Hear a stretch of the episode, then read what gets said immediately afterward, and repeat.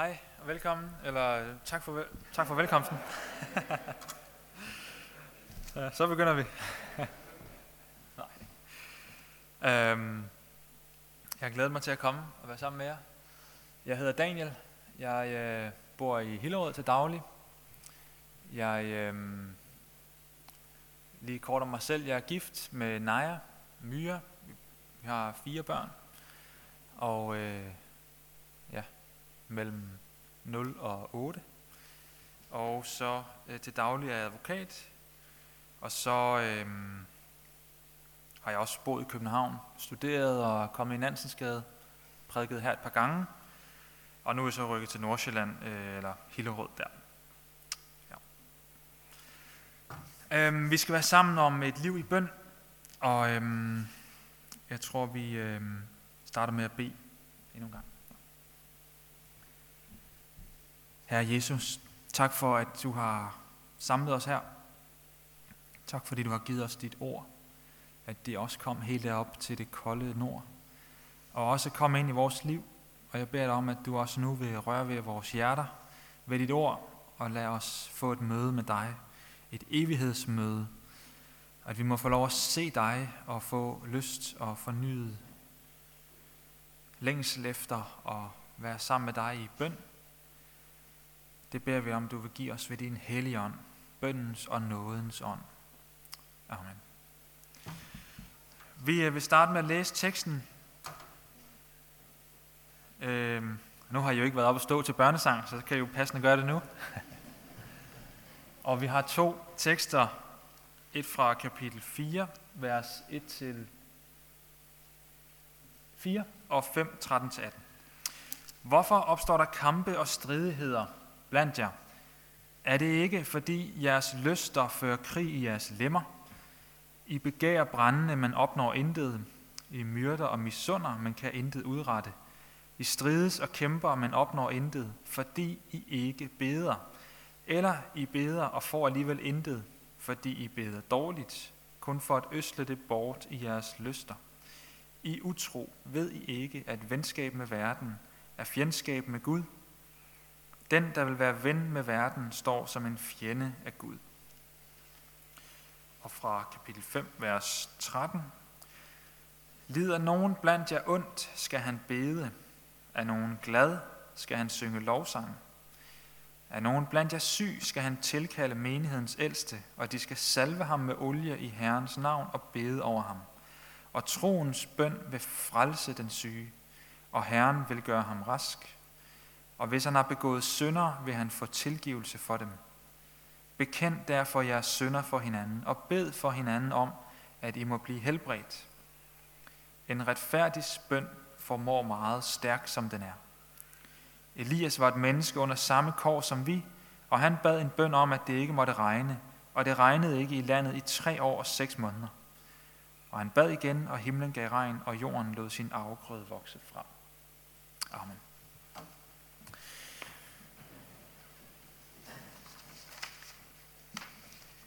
Jeg har sådan tre overskrifter. Det første handler om det, vi læste til at starte med, de første vers fra kapitel 4, om at lukke bøndens helligdom for sig selv. Det andet, det er det her, der er i vers kapitel 5, med at bede under forskellige forhold i livet. Og så det sidste, øh, det handler lidt om, når vi nu er på det her med et liv i bøn, om at lukke sin dør og bede til Gud bag en lukket dør. Det vil jeg også godt lige sige et par ord om. Men altså det første her, øh, at lukke bøndens helligdom for sig selv. Jeg havde faktisk lavet en lille disposition, den glemte jeg at sende. Er der en mail, man kan sende den til her? Nej, okay, så dropper vi det. Jakobs brev, øh, eller den menighed, Jakob skriver til, det lyder som en menighed, hvor alt går øh, godt på facaden, når man læser øh, Jakobs brev. De lægger planer, de øh, ligner en vellykket menighed, de har vind i ryggen. Som der står over i kapitel 4, vers 9, så er der glæde og latter.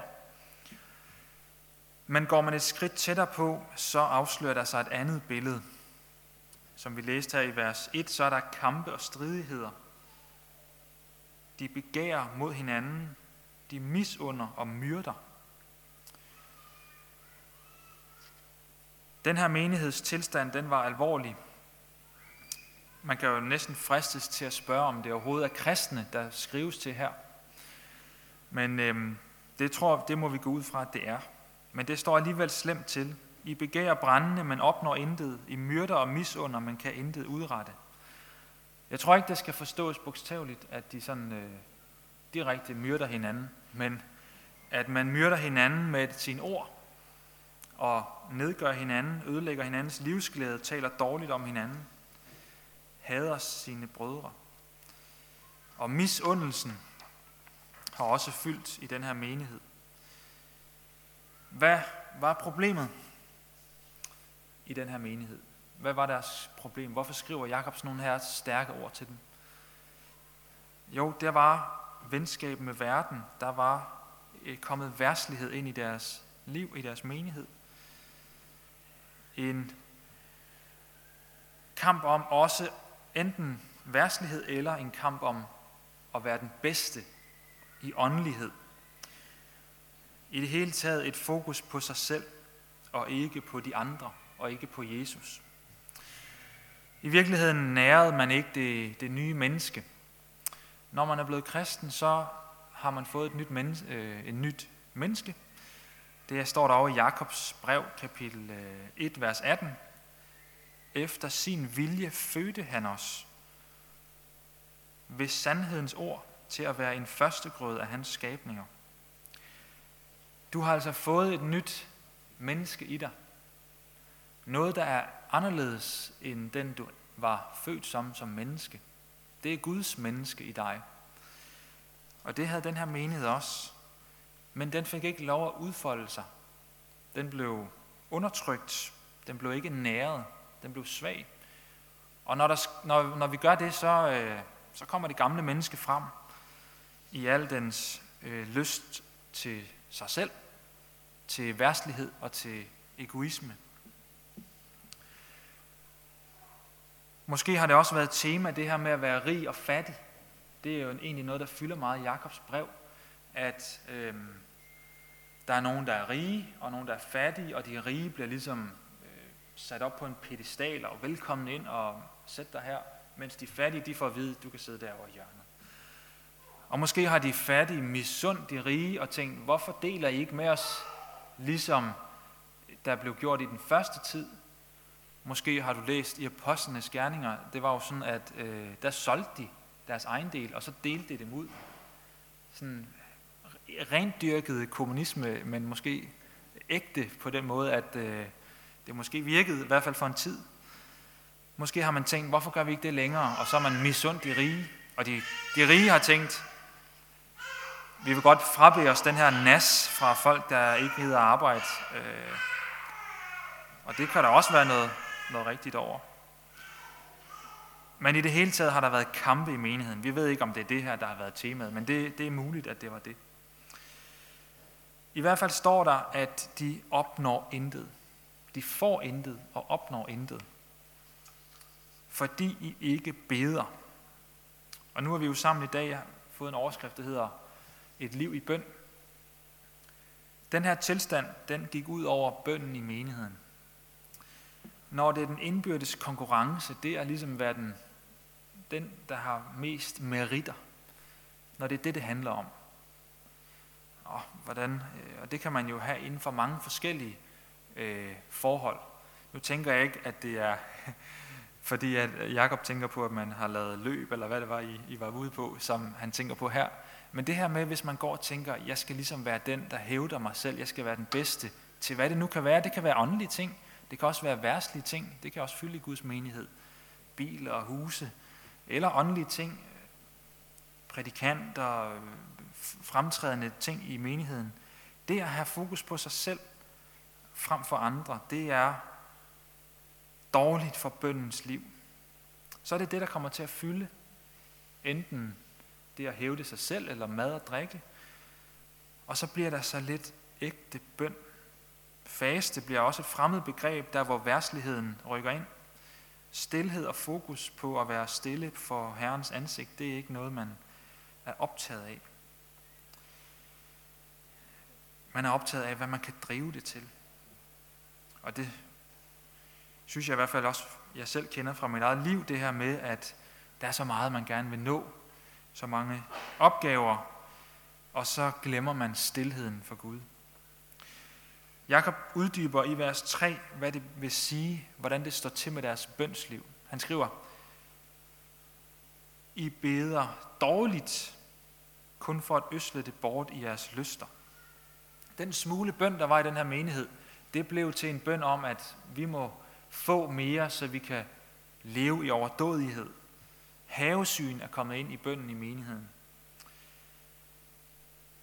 Det er ikke bøn. Det er faktisk, det er, det er faktisk slet ikke bøn at bede på den måde. Øh, Gud hører ikke bøn, vi beder i, i egoisme.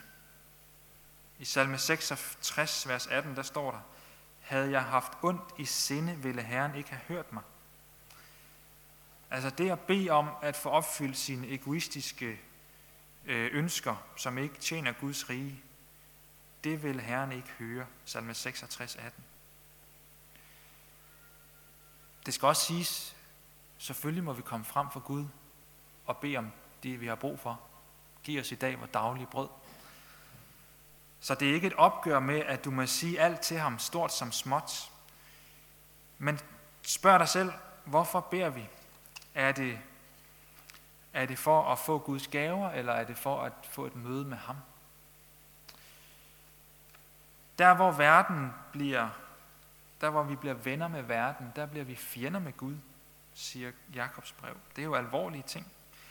Når verden rykker ind, så rykker Gud ned eller helt ud.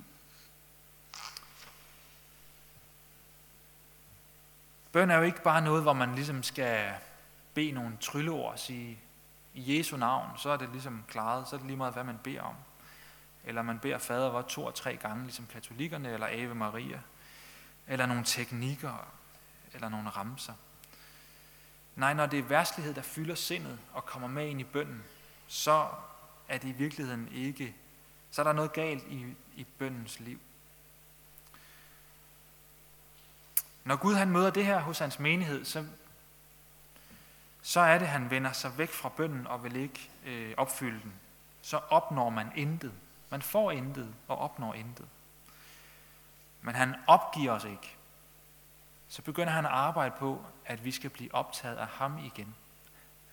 Og en måde, han ofte gør det på, det er ved trængsler og prøvelser. Det kommer vi tilbage til igen.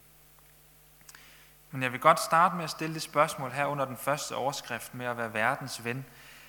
Er vi også blevet delte kristne, som ikke beder, eller kun beder lidt, øh, for at øsle det bort i vores lyster?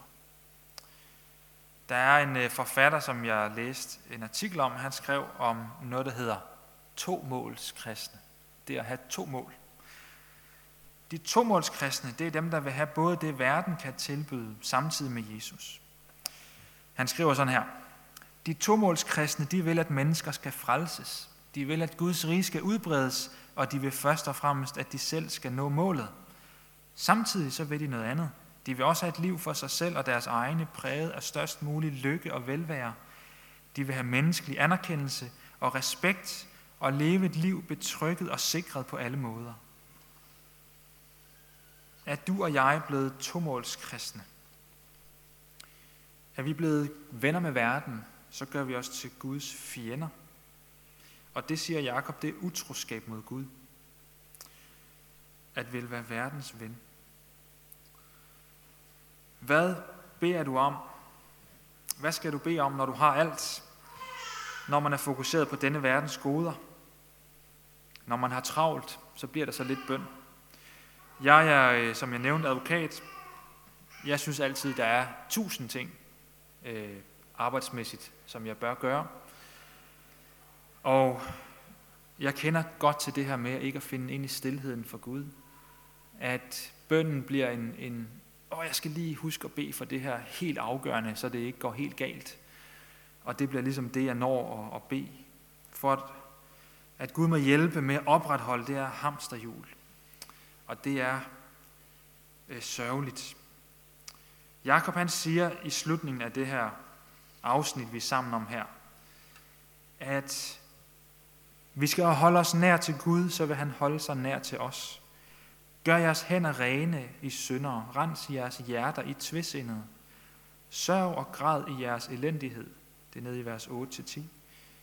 Lad jeres latter afløses af sorg, og jeres glæde af mismod. Ydmyg jer for Herren, så vil han ophøje jer. Der er altså noget, der skal bekendes og gøres op med her. Et tvisind og et, en, et syndigt hjerte. Den værstlige latter skal afløses af en sorg over synd, og en, den værstlige glæde skal afløses af et mismod over de, de tabte pund. Men når vi nu er inde i opgøret, så skal vi passe på, at det ikke ender i en anden grøft, nemlig lovretfærdighed. Altså, du tænker, nu må det blive bedre.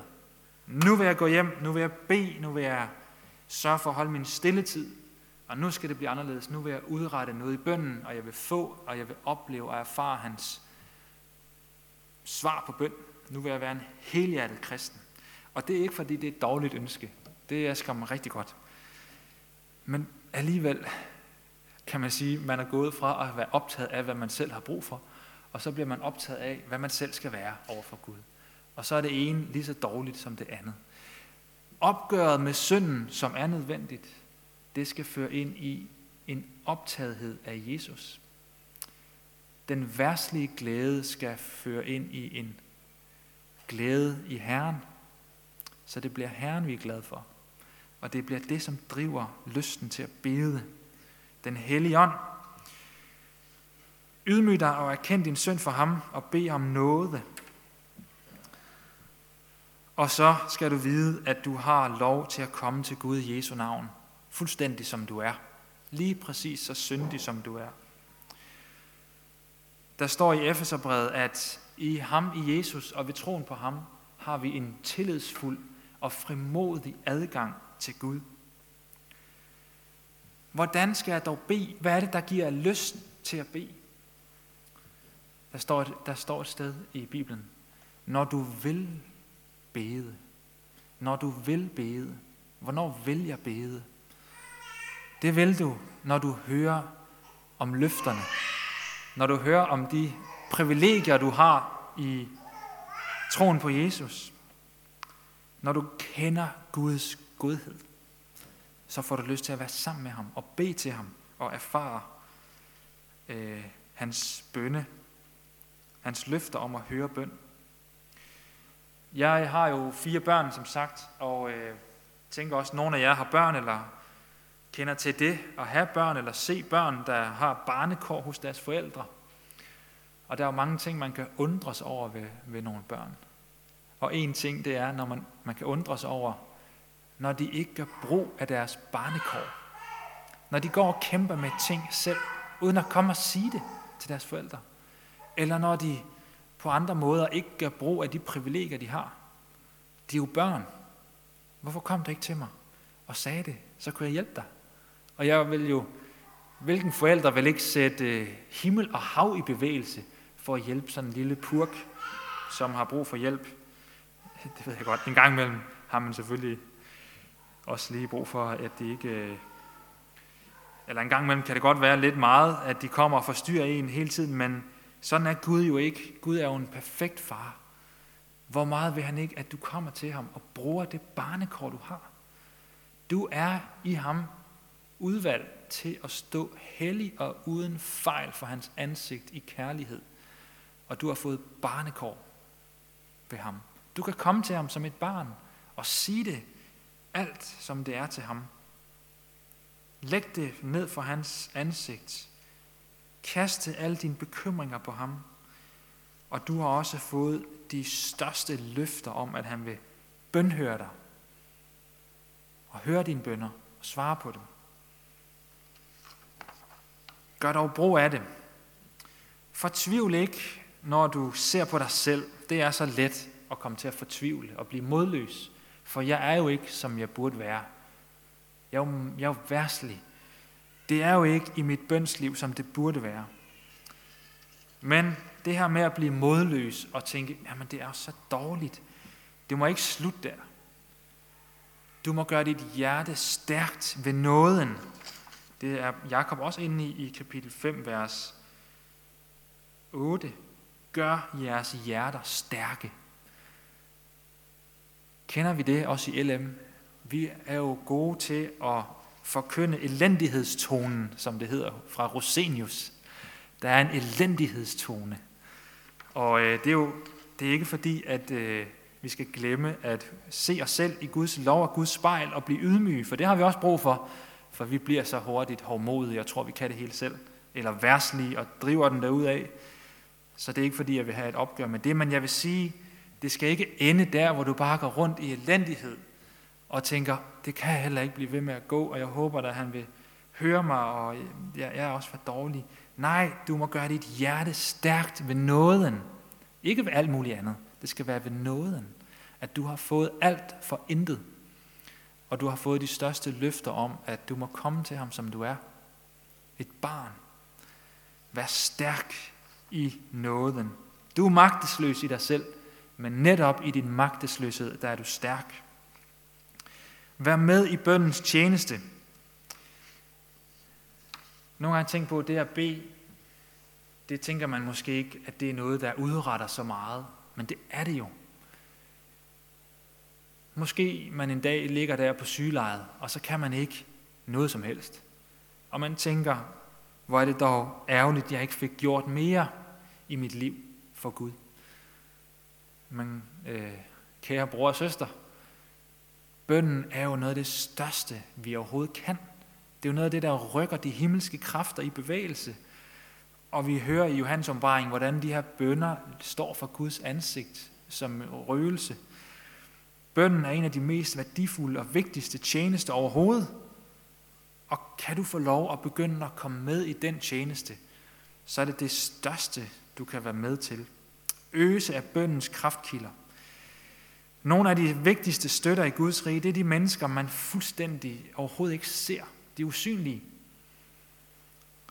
Men det er brødre og søstre, der ikke kan andet end at bede til deres himmelske far og nedbe en himmelsk kraft over Guds rige og hans menighed.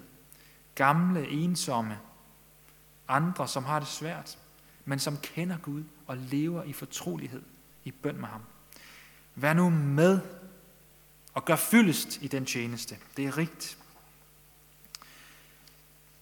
Og så kapitel 5, vers 13-17, så taler Jakob om tre slags bøn i forskellige menneskelige forhold. Lider nogen ondt, skal han bede, det er det første. Er I glade, så syng lovsangen, det er jo også en slags bøn, en tilbedelse. Og er nogen syg, så skal man tilkalde de ældste. Og jeg synes også, man kan tage en fjerde med, nemlig lige i midten, der står der, bed for hinanden. Den synes jeg også hører med her. Det er svært at lide ondt, den, der lider ondt, skal bede. Det er svært at lide ondt. Her tror jeg, at Jakob især taler om, når man bliver urimeligt behandlet. Måske endda forfulgt. Det er ikke sjovt, vi ønsker os normalt ud af det så hurtigt vi kan. Og hvis det er en specifik person, der gør det imod os, så har vi jo ikke ligefrem gode tanker mod denne person. Og det er snublende nær at komme til at synde mod Gud. Men Jakob siger, du skal bede. Der er en kraft i det at bede. Det gør noget ved dig selv, det at bede. Dit sind bliver ændret. Og Jesus beder os om at bede for vores fjender. Dem, der påfører dig ondt, skal du bede for. Det er alligevel vildt. Alligevel, så må vi sige, der er nok næppe noget middel, som Gud bruger med så stor sikkerhed, og så øh, ofte som det, at vi møder trængsler eller lidelser for at få os til at bede. Jeg kender det i hvert fald fra mit eget liv i perioder, hvor jeg har haft det svært. Det har været de perioder, hvor jeg synes, jeg i særlig grad har lukket op for bøndens kammer og ligesom stået for Guds ansigt i over en længere periode der kommer man ind i en fortrolighed med Gud. I tårer, i, i svære tider, men det er noget at være inde under den her fortrolighed med Gud. Og der vil jeg sige, når man møder lidelser, så kan man reagere forskelligt. Man kan jo komme til at blive sur og vred på Gud. Og det er der jo mange grunde til, eller det kan være menneskeligt forståeligt. Men pas nu på, at det ikke fører til, at, du, at dit Guds forhold bliver ødelagt. Tænk på, om det kunne være en forfremmelse. Det er der en, der har sagt. At lidelse er en slags forfremmelse i Guds rige. For her er en ny mulighed for at lære Gud bedre at kende. Et nyt rum, der bliver åbnet. Det er ikke, fordi det er nemt. Det skal ikke nemt at lære Gud bedre at kende. Men det er godt, og du lærer, du lærer Gud at kende. Det er i virkeligheden lidt ubeskriveligt. Øh, men du får et dybere kendskab til ham. Den, der lider ondt, skal bede.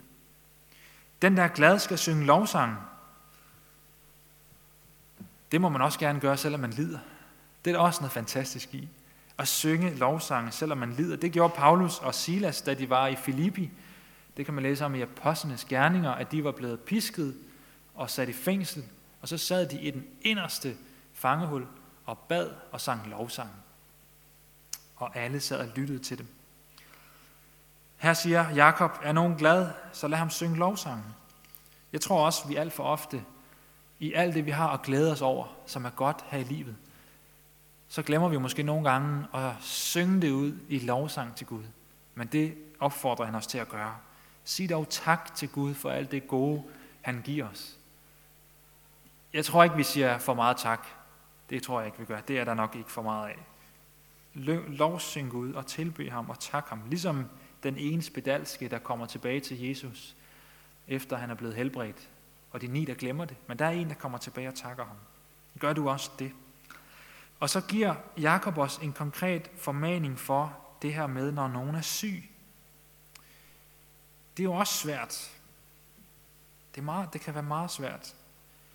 Sygdom er noget, vi alle kender til. Nu er jeg jo ung, så det er ikke fordi, at jeg har prøvet at være dødssyg. Jeg kender nogen, der har været det, men det er ikke noget, der fylder meget hos mig og min omgangskreds. Men der, det bliver jo mere og mere i takt med, at vi bliver ældre, at man måske selv bliver ramt af sygdom, eller kender nogen, der bliver det. Og måske endda livstruende sygdom. Og det er svært at være i. Her har Guds ord givet os en konkret vejledning for, hvad vi skal gøre i den her situation. Man skal tilkalde menighedens ældste. Det skal ikke være hvem som helst. Det skal være menighedens ældste. De skal komme, de skal salve den syge, og de skal bede med olie i Herrens navn og bede over ham. Og der står også, at man skal bekende sine sønder på det her sted, som den, der er syg. Og så står der, at troens bøn vil frelse den syge. Og hvis han har begået, og Herren vil gøre ham rask, og hvis han har begået synder, vil han få tilgivelse for dem. Det er vigtigt at lægge mærke til her, at man skal få tilgivelse for sine synder. For altså på sygelejet er det jo afgørende, at man har sin sag i orden med Gud, hvis det skal føre til evighed. At man så er klar til at møde Gud, og til at gå ind i himlen med sin sag i orden. Det er det afgørende. Så, så står der også, at troens bøn vil frelse den syge, og Herren vil gøre ham rask. Hvad vil det sige? Vil det sige, at hvis du ikke bliver helbredt, er det så fordi, du ikke tror nok, eller ikke tror rigtigt? Det kan vi ikke sige. Vi kan ikke hæve os op på Guds niveau og tage magt over hans, øh, hvordan han vil gribe ind. Og tage hans helbredelser under i vores hånd. Der er ikke vidnesbyrd i Bibelen om, at hvis du beder rigtigt og tror rigtigt, så bliver det automatisk øh, rask. Vi kan ikke putte Gud i en kasse på den måde. Paulus fortæller, at han har måttet efterlade en medarbejder syg i Milet. Det står der i 2. Timotheus, kapitel 4, vers 20. Så han kunne bare ikke blive rask, selvom han var syg. Og Timotheus, han var også syg med sin mave, så han var åbenbart heller ikke blevet helbredt. Nej, vi skal ikke gøre os til dommer over Guds ord og sige, du skal gøre sådan og sådan, så virker det, og hvis ikke det virker, så er det din egen skyld. Der er kun magt i de foldede hænder, så længe de er magtesløse. Men griber om Guds magt. Det er ham, der bestemmer. Samtidig er det afgørende at fastholde, at troens bøn, som vi taler om her, det handler om, at du tror på Gud. At du har tillid til ham. Det er Gud, der gør rask, men der står ikke, og det vil han gøre. Han vil gøre dig rask, men der står ikke, hvornår. Nogle gange helbreder han til fortsat liv, andre gange til evigt liv. Sådan kan man sige det. Nogle gange helbreder han til fortsat liv, andre gange til evigt liv. Og hvad er så troens bøn? Det vil jeg godt lige sige lidt om kort her. Hvad er troens bøn? Hvad tænker I, når man siger troens bøn? Troens bøn vil frelse den syge. Jeg vil i hvert fald, der er i hvert fald to ting i troens bøn. For det første, så er det en hjælpeløs bøn. Bøn handler ikke om, at vi skal have styr på det hele. For i virkeligheden, så formår vi slet ikke noget. I øh, lignelsen om den her, det her vintræ, der siger Jesus, skilt fra mig kan I slet intet gøre. Vi er som børn, som spædbørn, der har brug for hjælp til alting. Og moren hører råbet om hjælp i spædbarnets skrig. Jeg ofte hører moren jo, før der overhovedet kommer og skrig. Og sådan kender Gud din bøn, din hjælpeløshed, allerede inden du har sagt et eneste ord. Det er det, det er det ene kendetegn på troens bøn, at den er hjælpeløs. Det andet det er, at den tror på Gud. Bøn, hjælpeløs bøn uden tro, det er slet ikke bøn. Det er bare fortvivlet nødskrig i natten. Bøn er at tro på Jesus, at have tillid til ham. Uden tro, så beder vi faktisk slet ikke, selvom der kommer ord ud over vores læber. Og det tror jeg måske nogle gange, vi, vi skal huske på, når vi beder. Har du tillid til, at Gud faktisk kan gribe ind? Tror du på, at han vil gribe ind? I, øhm, i Matthæus, øh, eller i evangelierne, så, fortælles, så fortælles der om den her kananæiske kvinde.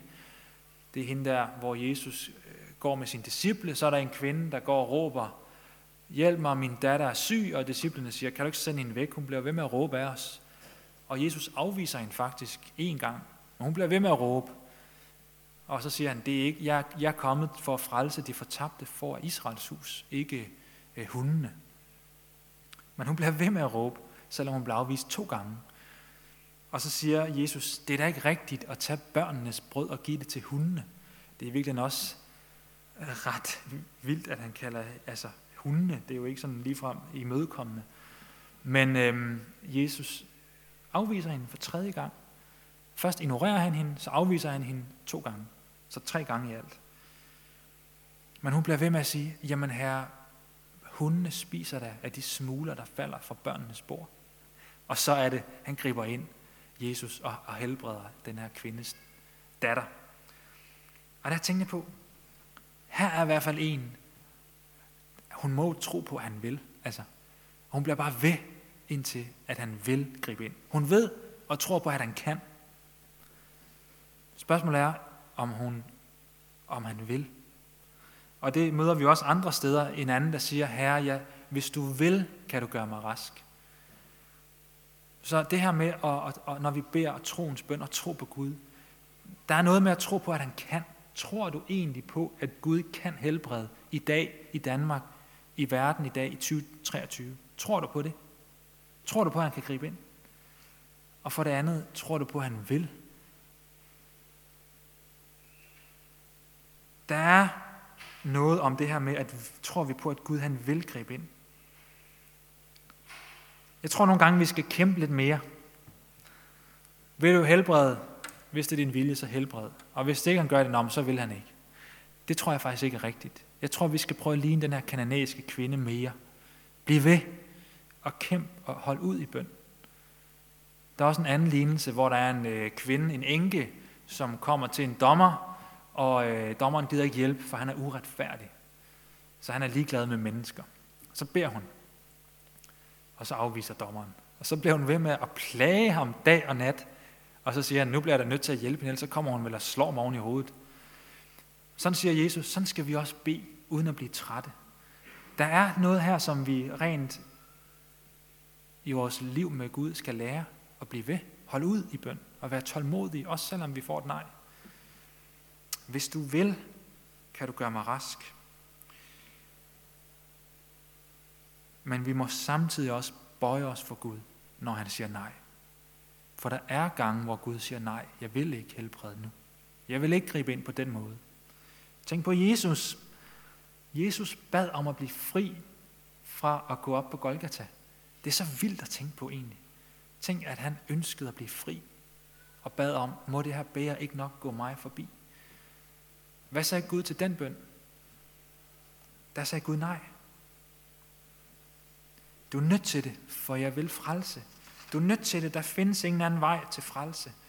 Og så bøjede Jesus sig for, øh, for Guds vilje.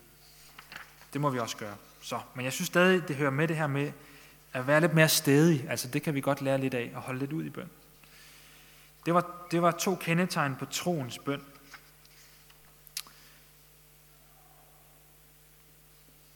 Selv midt i sygdom og lidelse, der må vi sige til hinanden, du er i Guds faderhånd. Du er ikke svigtet af ham. Du er ikke glemt af Gud. Vi har ikke fået lovning på et nemt liv som kristne. Det har vi faktisk ikke. Vi har fået masser af løfter om det, der kommer os i vente. Vi har fået løfter om, at han vil gå med os. Han vil gå med os igennem det svære. Vi har ikke fået et løfte om, at det bliver et let liv, en dans på roser. Det har vi ikke. Livet her på jorden har ikke den ro, jeg søger. Det er ikke her, vi skal slå os ned og bygge evigheds øh, huse. Det er et midlertidigt sted, og så går det mod herlighed. Og der skal vi juble. Skønt vi her en tid må lide. Og det er, selvom det kan være svært, så ved vi, at vi er i Guds hånd. Og det håber jeg også, at du må erfare, hvis du er eller kommer ud for sygdom og lidelser. Du er i Guds hånd, du er omsluttet af ham, og der er ikke noget ondt, der når dig, uden at Gud vil det. Han vil dit sande og evige vel. Og han kan ikke svigte sine egne løfter. Men hvad er trøsten så? Jo, men det er jo, at du hører ikke, du hører ikke hjemme i den her verden. Du går mod herlighed. Et nyt hjem i himlen. En bolig, som Jesus har beredt til dig. Og snart bryder det frem. Nede i kapitel 5, vers 9, eller vers 8, som jeg nævnte før, hvor der står, at, at øh, Jakob siger, gør jeres hjerter stærke, der siger han, for Herrens komme er nær. Jesus kommer snart, og der skal det bryde frem i herlighed, alt det vi tror på. Hold ud, indtil han kommer. Og så er det afgørende ikke, om vi bliver helbredt, men at vi har det evige liv. Og så lovede jeg også lige at tage det der frem. Bed for hinanden. Lad de syge, lad dem, der lider, mærke broderkærligheden. Bed for hinanden. Omslut hinanden i forbøn og i omsorg og vis hinanden lidt af Guds sind over for hinanden. Vær ikke ligeglad med hinanden, men bær hinanden og bær også de sygdomme, der kommer i menigheden og de lidelser, der er, så vi står sammen øh, om det her på jorden. Og det sidste, jeg vil sige, det er det her med et liv i bøn, om at lukke sin dør I Matthæus, der siger øh, Jesus, når du vil bede, når Helligånden skaber den trang i dig, at du vil bede, eller når du efter din faste rytmer har sat tid af til det, fordi det tror jeg også, man skal ikke kun bede, når man har lyst til det, fordi så bliver det meget småt med bøn. Det skal ind i nogle tidspunkter på dagen, hvor det passer godt ind i dit program. Og så er der også nogle gange, hvor det skal gøres, og så kommer bøndens længsel og trang, mens du sidder der og læser i ordet. Og nogle gange kommer det ikke, men det er også fint. Men når du vil bede, så gå ind i dit kammer og luk din dør, siger Jesus.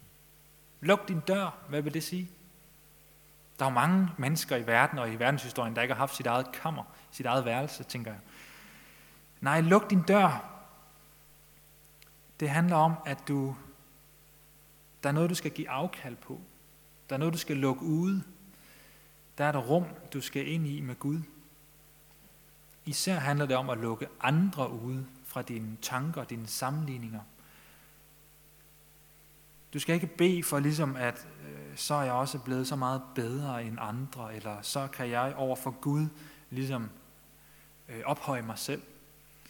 Nej, du skal lukke døren og møde din Gud, som ser i det skjulte. Fordi jeg tror, der bliver stillet mange krav til mennesker i dag. Det gør der virkelig. Mange krav om præstationer, eksamener, om at præstere. Der er mange krav om at være opdateret og følge med.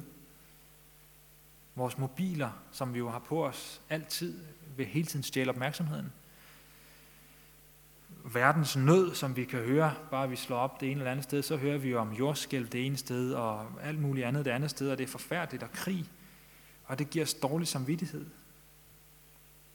Samfundet opfordrer os til at optimere, være mere effektive, få mere ud af tiden, tjene flere penge, investere mere, give mere, nå mere, levere bedre. Og det giver trætte og havede sind, også hos de kristne. Og der er mange, der desværre kommer til at forsømme hvilen for Guds ansigt. Og hvile foran Gud. Han er jo ikke, det er jo ikke, fordi du også så skal derind og opfylde en ny pligt. Det er jo ikke det, det handler om i bøn. Det handler om, at du skal ind og møde din far og hvile for hans ansigt. Måske du kan bruge salme 63 til det. For kun hos Gud finder sjælen og ro. Kun hos ham finder min sjæl hvile.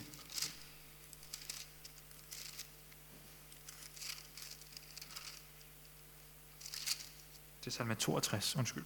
Kun hos Gud finder min sjæl ro. Kun hos Gud finder min sjæl ro. Det ord, der på hebraisk har ladet mig fortælle, betyder, at man er stille eller nærer tillid. Kun hos Gud finder min sjæl ro og er stille. Fra ham kommer min frelse. Kom ind for Guds ansigt. Luk din dør. Sluk telefonen. Giv afkald på at være fuldt opdateret. Giv måske også afkald på at gøre det bedst muligt. Luk tiden ude. Luk evigheden ind. Så kan du bagefter åbne din dør ind til tiden. Og der er du blevet forandret efter et møde med din Gud. Giv afkald på tiden og vælg evigheden. Det er ikke fordi, du skal komme som noget særligt. Du kommer som en synder på hellig grund.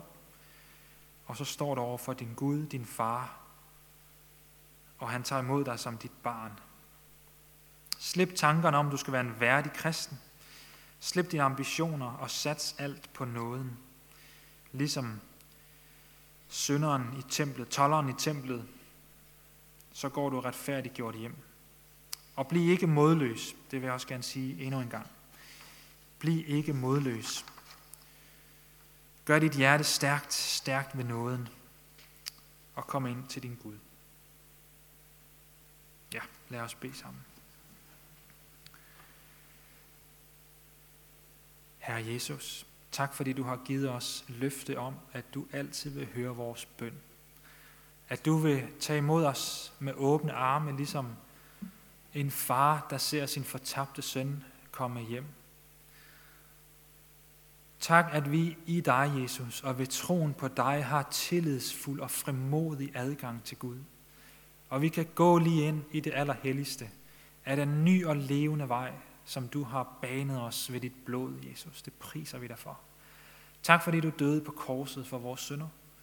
At vi nu er hellige og rene og retfærdige i dig. Og Jesus, vi bekender, at vi er syndere, og vi beder dig om, du vil tilgive os for al vores værslighed og egoisme og tanker om os selv. Og skab bøndens ånd i os på ny her. Giv os nådens og bøndens ånd. Og lad os få lov at erfare, hvor godt det er at tilhøre dig og bede til dig og være sammen med dig i det stille, i det skjulte, bag den lukkede dør. Jeg beder dig om, du vil velsigne os her, velsigne menigheden her. Lad os erfare bøndens kraft og virkning Helbred de syge, Jesus. Og lad os få lov at kende dig endnu mere, indtil vi skal se dig, som du er. Gør vores hjerter stærke, Jesus. Tak fordi du har du lovet os i dit ord, og det vil du gøre, og det gør du ved dit ord. Det beder vi om i dit eget hellige og mægtige navn, Jesus. Amen.